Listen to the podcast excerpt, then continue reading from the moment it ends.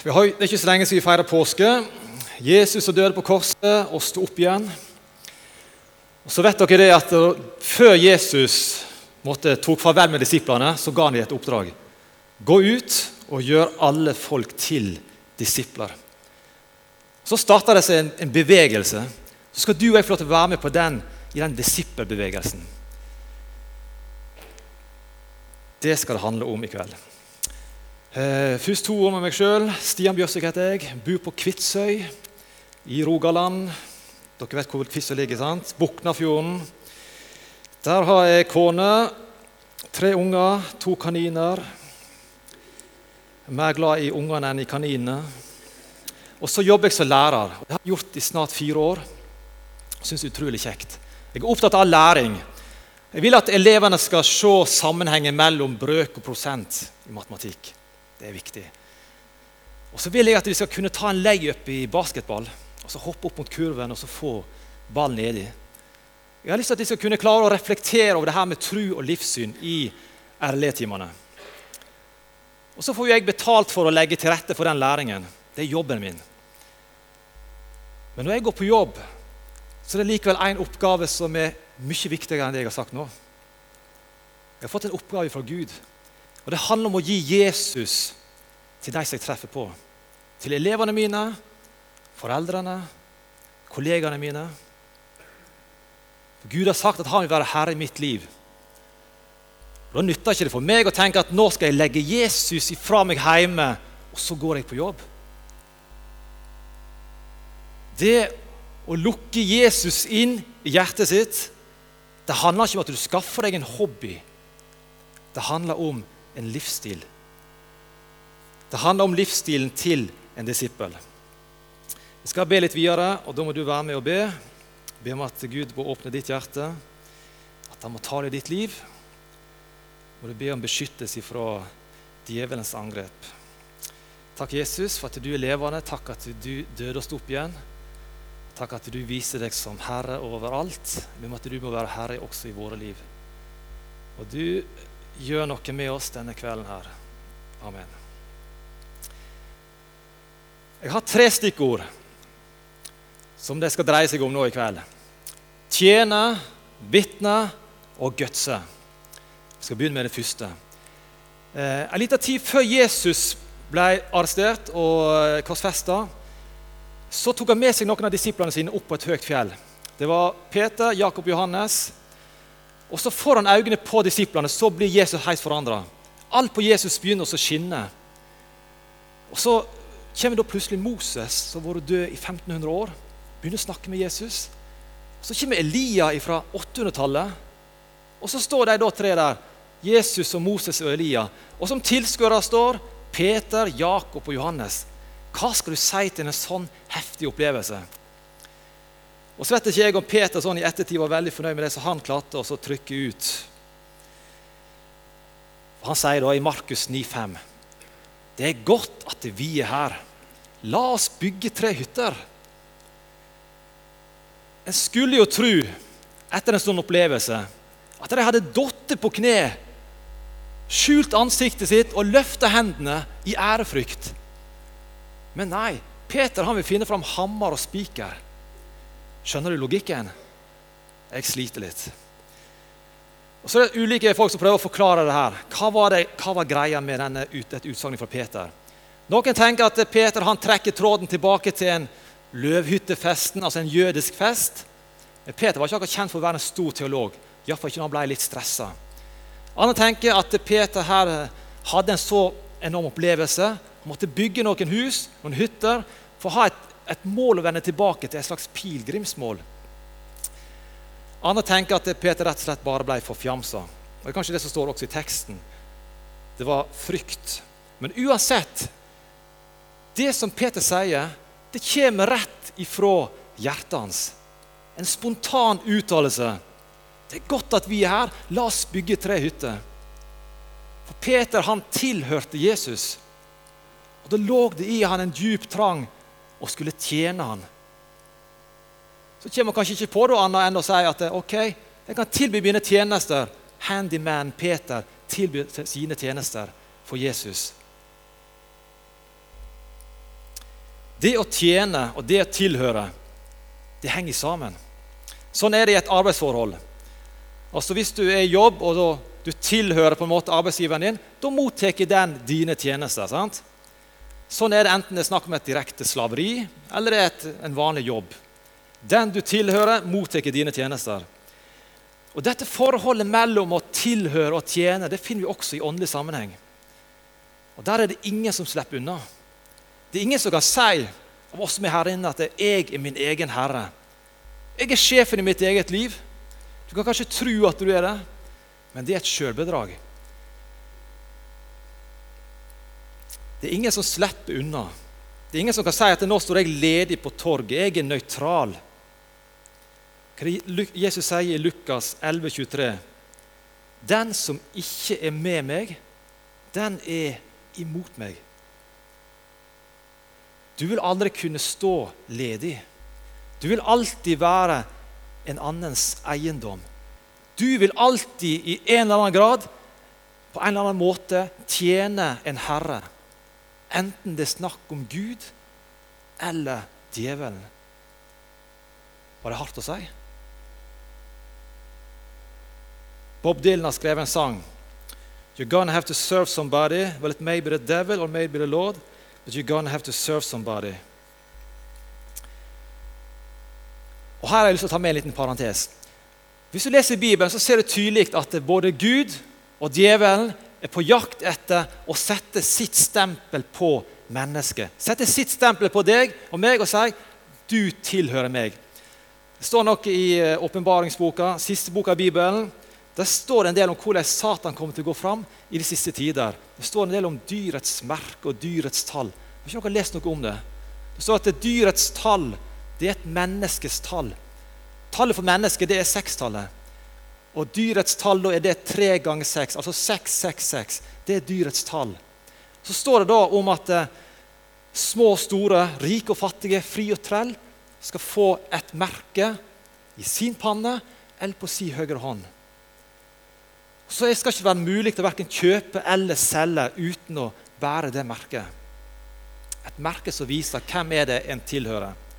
Da skal det bli trengsel for de kristne som ikke ønsker å ta det merket. Og I ungdommen så tenkte jeg en del på det her. Grubla. Hvordan vil dette bli? Og kjente jeg ble redd. Jeg ønsker ikke å få dyrets merke. Og Så spekulerer en litt. da. Så det er ulike teorier men i stedet for at du og jeg skal drive oss og grave oss ned i dette her og tenke Handler det om et billedlig merke, eller er det et fysisk merke som du kan se? I stedet for å tenke handler dette her om databrikker under huden, er det snakk om bankkort eller datamaskin i Brussel? Altså, teoriene er mange. Hva handler dette om? Men i stedet for at du og meg har fokuset der, i stedet for å frykte å få tre ganger menneskets tall i min panne og på min hånd, hva må mitt fokus være? Mitt fokus må jo være å ha Guds segl, som vi kan lese om i Åpenbaringsboka 7 og 9. Guds merke prenta inn i min tanke og i mine gjerninger. For uansett hva dette merket her handler om en gang i tida, så handler det om tanken min, og det handler om gjerningene mine. Hvem er det jeg tilhører? Hvem er det som mottar mine tjenester? Tenk over ditt eget liv. Skal ditt liv være et menneskes liv knytta til deg sjøl, dine tanker, dine behov, dine prioriteringer? Eller har du i din tanke brent inn et merke om at du er skapt av Gud? Til Guds ære, og at dine henders gjerninger på en eller annen måte skal ære Gud?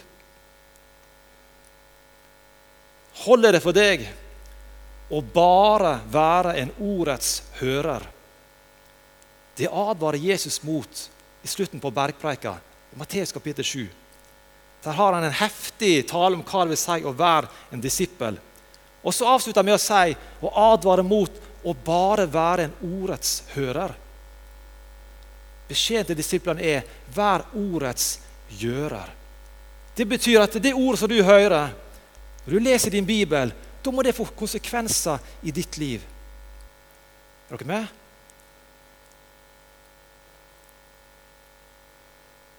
For går det egentlig an å komme hit på lørdagskveldene, synge med i lovsangen, prise Gud for at Han har frelst deg? Så går du ut herifra så tenker du det er søndag, mandag, tirsdag, onsdag, torsdag, fredag. Da vil jeg bestemme sjøl. Går det an å helt tatt bygge frelsen sin på Jesus og bygge resten av livet sitt på sin egen vilje? Går det an å si til Jesus ok, du døde for meg på korset. Du skal få ta deg av synda mi. Med livet mitt, viljen min, tankene mine, prioriteringene mine, tida mi og pengene mine, det får du ikke. Går det an å si det til Jesus? Bibelen sier helt, helt klart nei.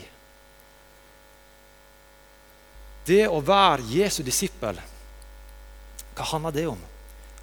Jo, Det handler dypest sett om sjølutslettelse. Der du ikke lenger er herre i ditt eget liv fordi du tilhører Kristus. Paulus sier utrolig sterkt. Jeg er korsfesta med Kristus. Så sier han jeg lever ikke lenger sjøl, men Kristus lever i meg. Det livet jeg nå lever i kjødet, det lever jeg i trua på Guds sønn, han som elsker meg og ga seg sjøl for meg. Så står det i Romerbrevet 14.: For ingen av oss lever for seg sjøl, og ingen dør for seg sjøl. Om vi lever, så lever vi for Herren, og om vi dør, så dør vi for Herren. Enten vi da lever eller dør, hører vi Herren til. Og hvorfor døde og oppsto Jesus? Jo, det var derfor Kristus døde og ble levende igjen. For at han skulle være herre over både levende og døde.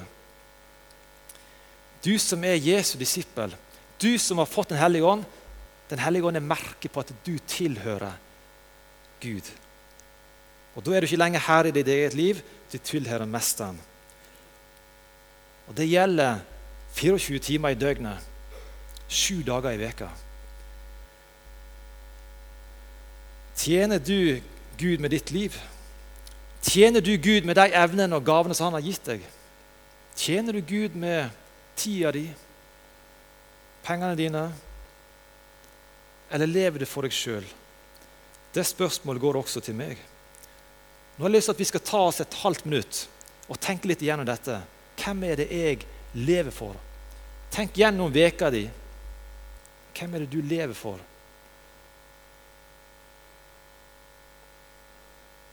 Du har lov til å snakke med sidemannen, lov til å folde dine hender og snakke med Gud.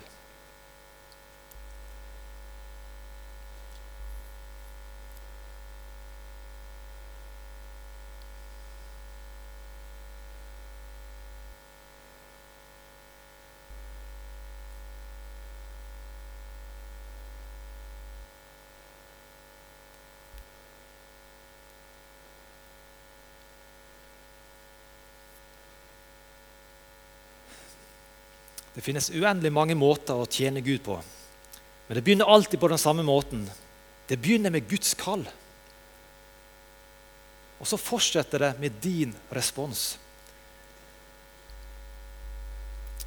Og Gud spør ikke er du flink, men Gud spør er du villig. Er du villig til å la meg få være herre i ditt liv?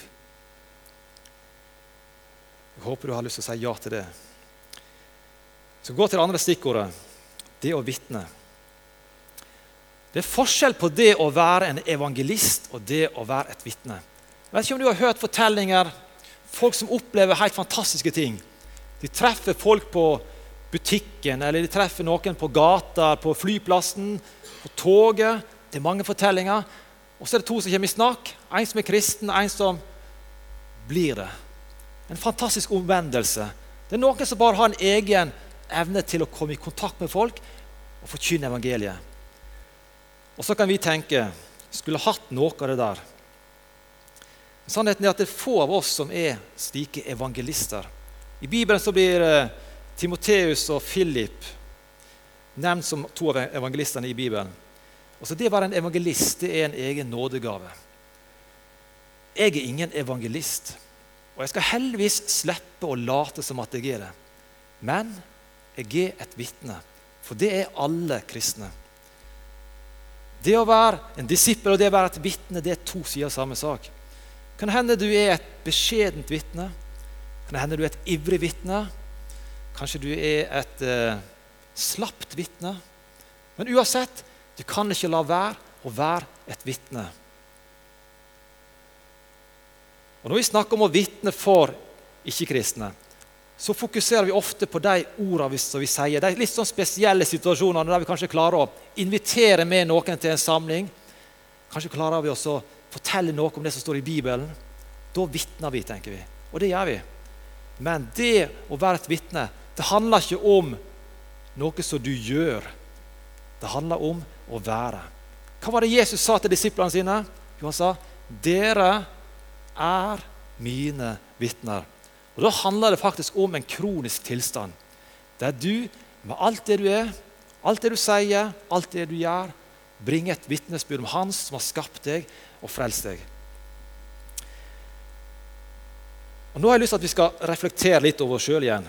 Altså, I hva grad er jeg med mitt liv et vitne for Jesus?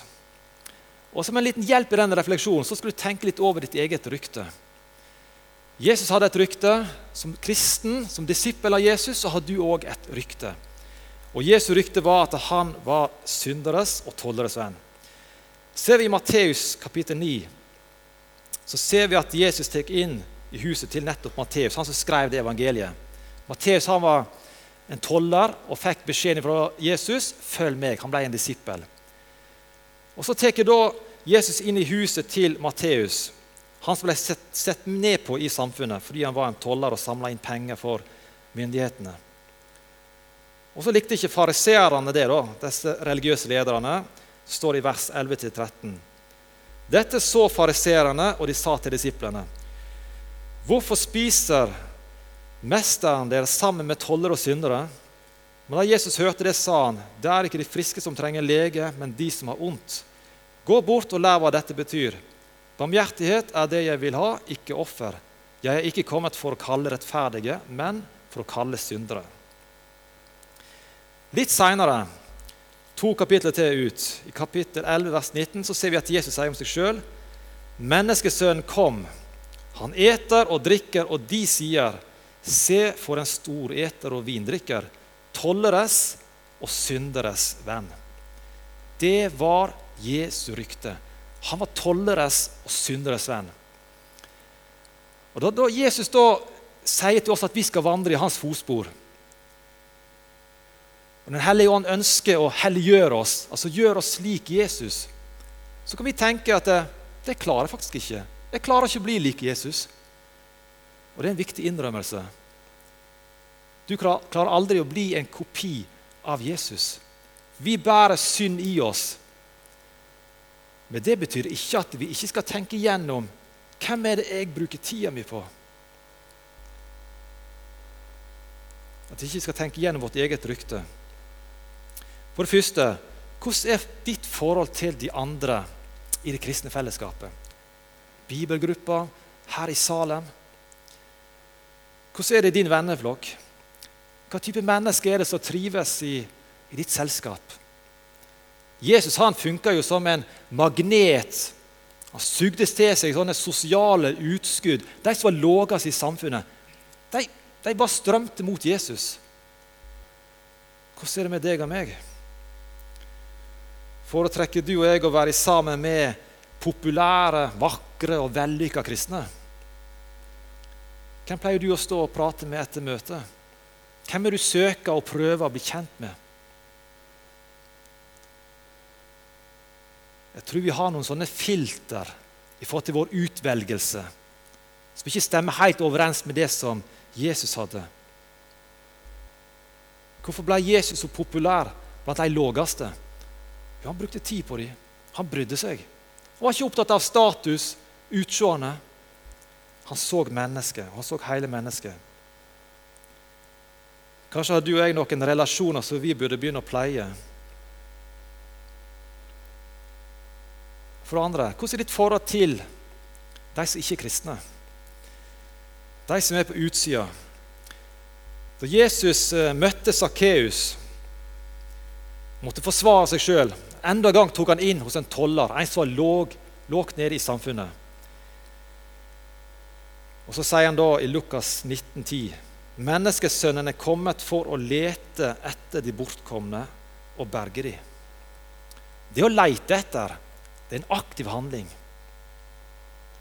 Når du står og venter på noen, da leter du ikke. Du kan kanskje se litt, se litt rundt. Men det å lete, da søker du etter noe. Kanskje har du en i din vennekrets, en på jobben din, en på skolen din, en som Jesus er ute og leter etter i dag. Og så har han faktisk valgt ut akkurat deg til å være med og finne den personen. Er du villig til å gå inn i et bønnearbeid? Er du villig til å bruke tid på samtale? Jeg har lyst til at du skal bruke et halvt minutt nå til å spørre Gud om det er noen som du burde begynne å bruke litt mer tid på. En i din vennekrets. En på din jobb, en på skolen.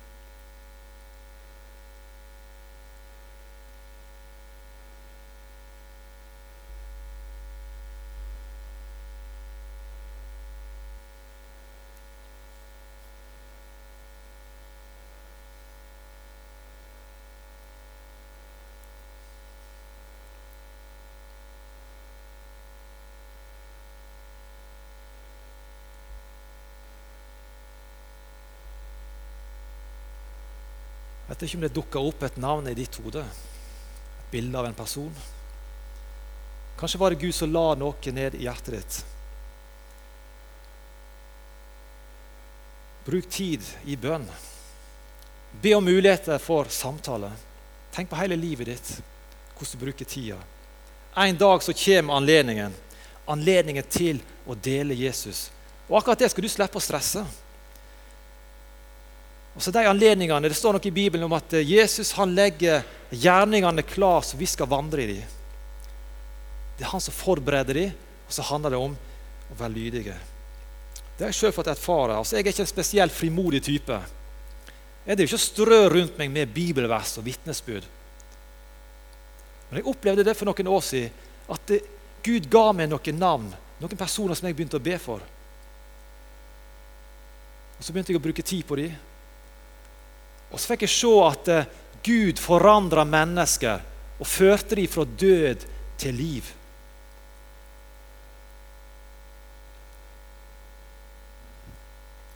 Mye av strategien i kristent arbeid har dreid seg om at vi skal be folk inn. Vi skal invitere dem med på møte. Og Gud velsigne deg som inviterer med deg folk på møte. Enten det er kristne du inviterer med, eller ikke kristne. Fortsett med det. Og Så skal vi tenke to tanker. Jesus sa ikke bare 'kom inn', men han sa også 'gå ut'. Er du villig til å gå ut? Jeg har kommet til det siste stikkordet, det å gutse. Jeg skal ikke bruke så lang tid på det. Men det beste eksempelet i Bibelen på en som virkelig gutsa, det må være Peter. Han eh, gikk på vannet. Han lovte Jesus evig truskap. Han var førstemann inn i den tomme grava. Han kasta seg i sjøen da han så Jesus på stranda etter oppstandelsen. Han tok ordet på pinsedag, da 3000 mennesker ble frelst. Han ble lederen i flokken. Jeg ikke, Tror du at Peter ville blitt valgt som leder i Kristen-Norge i dag? I kirka? I organisasjon? I forsamling? Kan hende. Men jeg har mine tvil òg. For i kirker, i organisasjoner og i menigheter så er vi blitt så utrolig flinke på det som går sakte.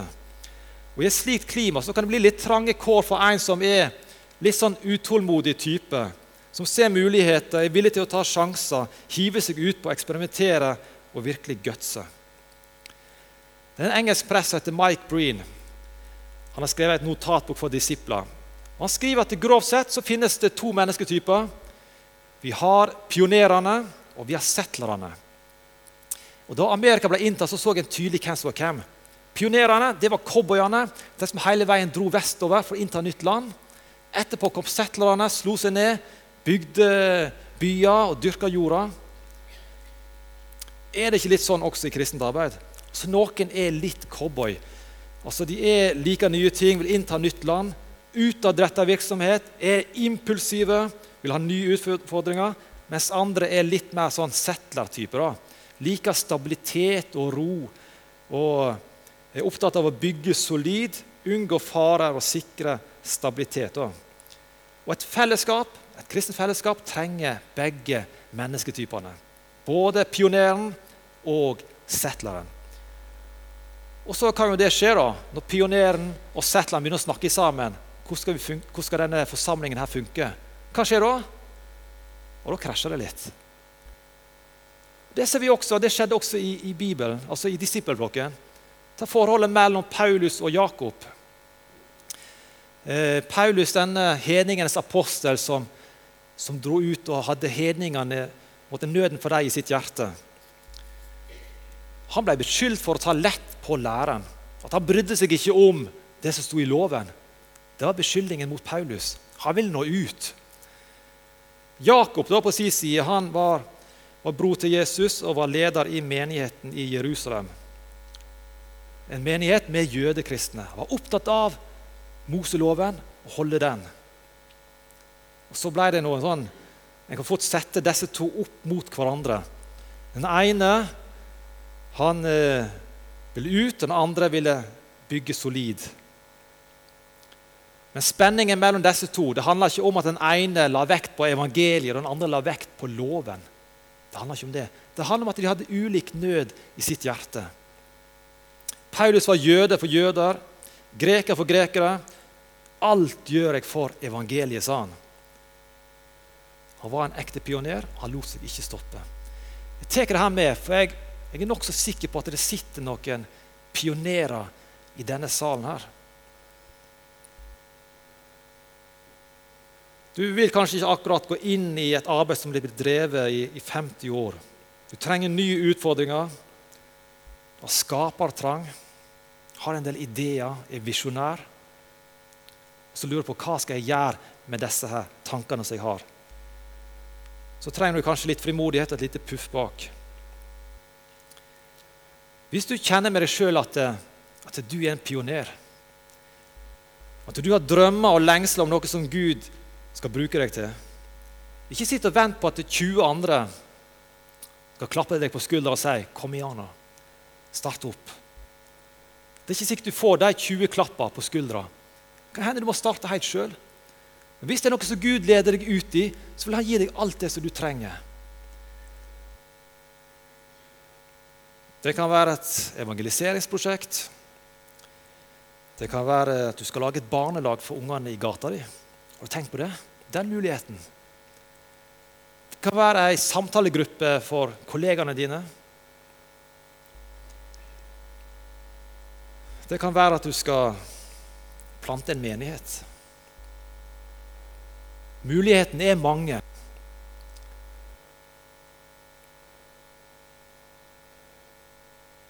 Kanskje du skal gå i gang med, med noe der. En liten sånn jobb. Det første du gjør i den jobben, det er også å snakke med Gud om det. Du må forsikre deg om at de planene som du kanskje har, at det er ikke bare dine planer, men at det er Guds planer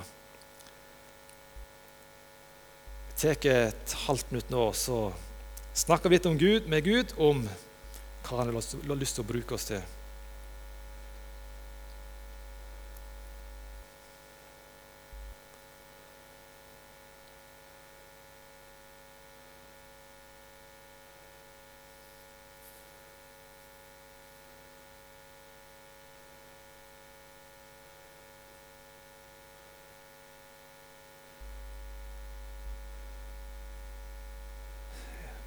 Er du villig til å la Gud lede deg ut i det ukjente?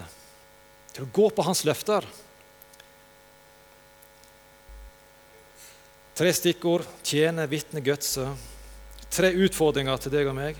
Er Gud her i ditt liv? Tjener du ham i ditt liv? Er du villig til å gå ut, være synderes venn? Er du villig til å, til å la Gud lede deg ut i det ukjente og gå på hans løfter? Og veien herfra, da, den kan jo være veldig diffus. Jeg håper du har kjent at du har lyst til å gjøre noe for Gud. Da er det utrolig viktig for meg å si at alt dette som jeg har snakket om nå, det handler ikke om at du skal gjøre deg fortjent frelsen. Det er ikke det at Hvis du begynner å springe rundt med en propell i øst og vest og vitner i øst og vest, starte opp barnelag, hva det måtte være, at Gud nå tenker at ja, nå er jeg blitt enda mer glad i deg. Det handler ikke om det. Men det handler om at vi skal få lov til å være der som Gud ønsker å ha oss. Bli brukt av Han i arbeidet med å nå enda flere med det fantastiske evangeliet om at Jesus, han er Herre. Så handler det ikke om at du og jeg skal være flinke. Gud spør ikke er du flink, men han spør bryr du deg. Er du villig? Skal vi be. Takk, Jesus, for at du døde og sto opp igjen. Takk at du viste deg som Herre over universet og over alle mennesker. Takk at du var sterkere enn døden. Takk at du ønsker at vi skal følge deg. Du skaper en, eh, en trang i meg til å tjene deg, ikke bare på lørdagskvelden og på søndags formiddag, men hver dag i veka. Du hjelper meg til å prioritere deg med tida mi, viljen min, tankene mine, pengene mine. Så ber vi at du må Gi oss frimodighet til å gå inn i de oppgavene som du leder oss inn i. Hjelp oss til å bry oss om mennesker som vi møter på vår vei. Gi oss utholdenhet i bønn. Og hjelp oss til å bruke de anledningene som du gir oss. Be om at denne kvelden her ikke bare ble et nytt møte, men at det ble en forandring i våre liv. Amen.